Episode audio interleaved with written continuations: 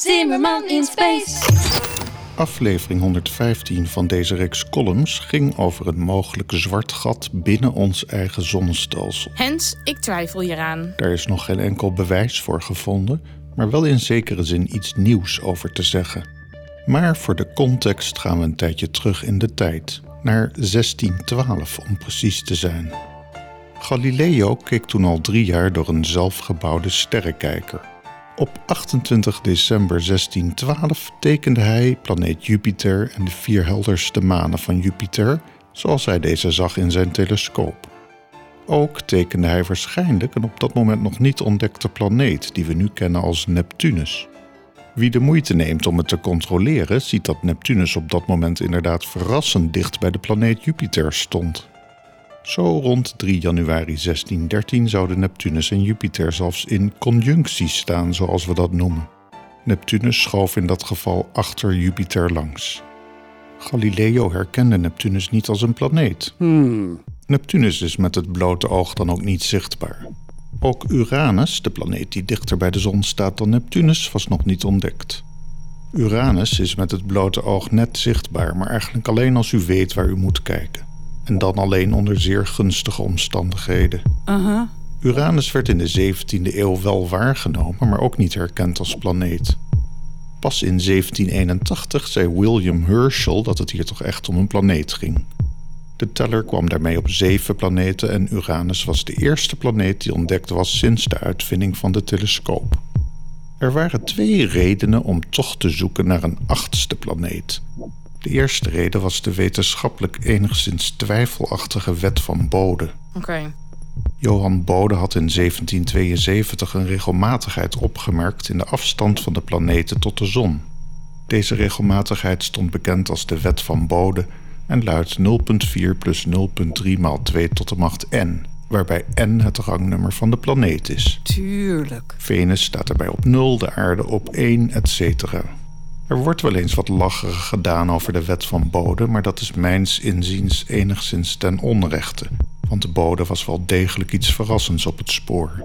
Venus, aarde en Mars volgen buitengewoon precies Bode's wet. Daarna was er een gat in de rangorde, maar tegenwoordig weten we dat tussen planeet Mars en Jupiter de planetoïde gordel staat. De grootste planetoïde, Ceres, volgt nog steeds buitengewoon precies Bode's lijstje op rangorde 3. Dat het zo makkelijk kan. Hetzelfde verhaal voor Jupiter en Saturnus. Toen de planeet Uranus ook nog eens exact stond op de positie die Bode had voorspeld, werden astronomen nieuwsgierig of er op rangorde 7 dan nog een planeet zou worden gevonden. Nou is dergelijke nieuwsgierigheid natuurlijk niet echt genoeg reden om aan te nemen dat er nog een planeet moet bestaan. Are you kidding? In 1783 presenteerde de astronoom Laplace de baanelementen van de nieuw ontdekte planeet Uranus, die beschreven hoe Uranus om de zon moet draaien.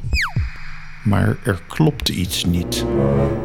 Dat ontdekte de astronoom Alexis Bouvard in 1821. We simply did not understand. Bouvard stelde dat de afwijkingen in de baan van Uranus alleen konden worden verklaard door de aanwezigheid van nog een planeet.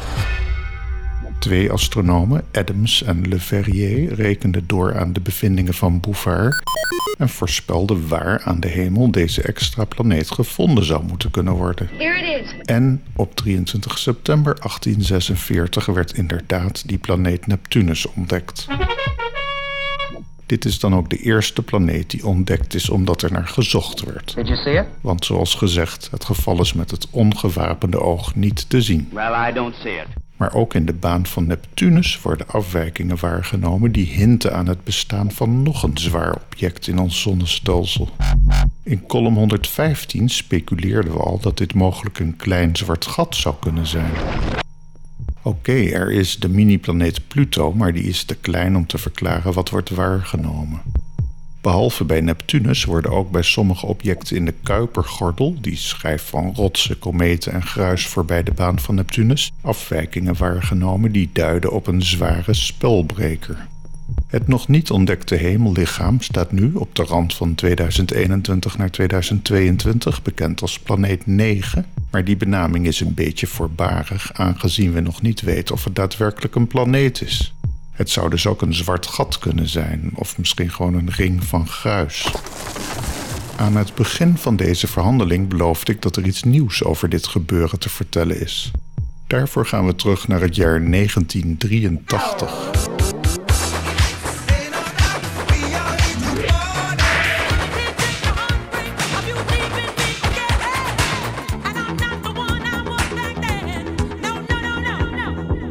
Ja, ik houd hartstochtelijk van 1983.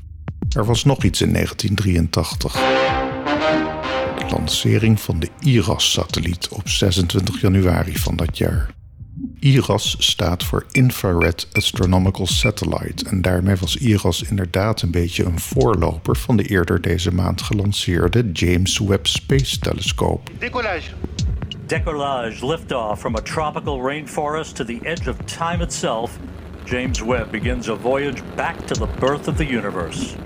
Ook de IRAS-satelliet kwam tot stand door internationale samenwerking, in dat geval tussen Nederland, het Verenigd Koninkrijk en de Verenigde Staten. Het doel van de IRAS-satelliet was het maken van een map van het infrarode heelal, een all-sky survey op de golflengtes van 12, 25, 60 en 100 micrometer.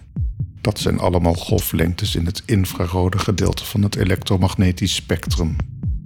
Een paar jaar voor de lancering mocht ik eens een bezoekje afleggen bij de wetenschappers aan de Rijksuniversiteit Groningen, die bezig waren met het ontwikkelen van de LRS- en CPC-instrumenten die onderdeel waren van de IRAS-missie.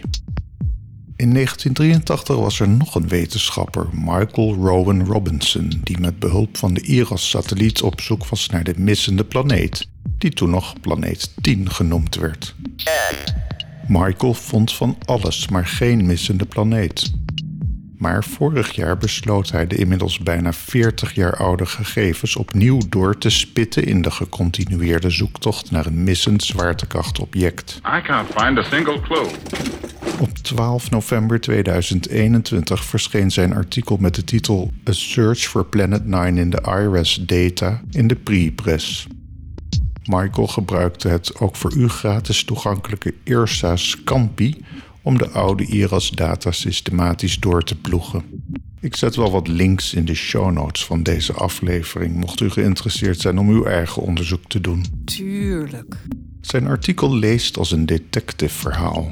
De zoektocht begon op 60 micrometer golflengte naar kandidaten die wel infrarood licht uitzenden, maar niet verklaard konden worden.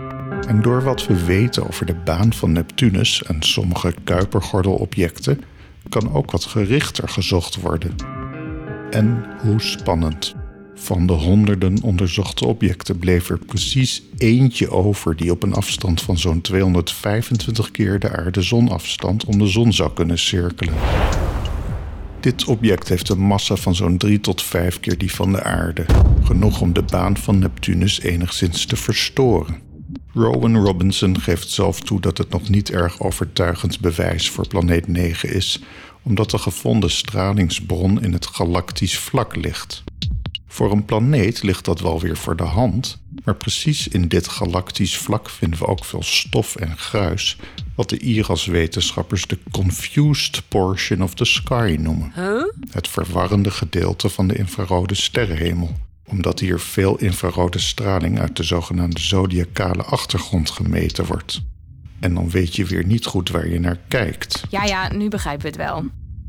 Maar deze laatste kolom van het eveneens verwarrende jaar 2021 kunnen we niet afsluiten zonder wat optimisme. Jee. Het eerste ding is dat het gemeten object daadwerkelijk over de sterrenhemel beweegt. Het zou dus heel goed echt om de zon kunnen draaien. En het tweede is dat we redelijk gemakkelijk kunnen uitrekenen waar het object zich nu dan zou bevinden. En er zijn verschillende instrumenten die ons de komende tijd wel eens meer zouden kunnen vertellen over de vermeende planeet 9. Allereerst is er dus de James Webb ruimtetelescoop die op dit moment op weg is naar haar parkeerplek in het L2 Lagrange-punt voorbij de maan. Maar er wordt op aarde hard gewerkt om het Vera Rubin Observatorium in Cerro Pajon, Chili bedrijfsklaar te krijgen.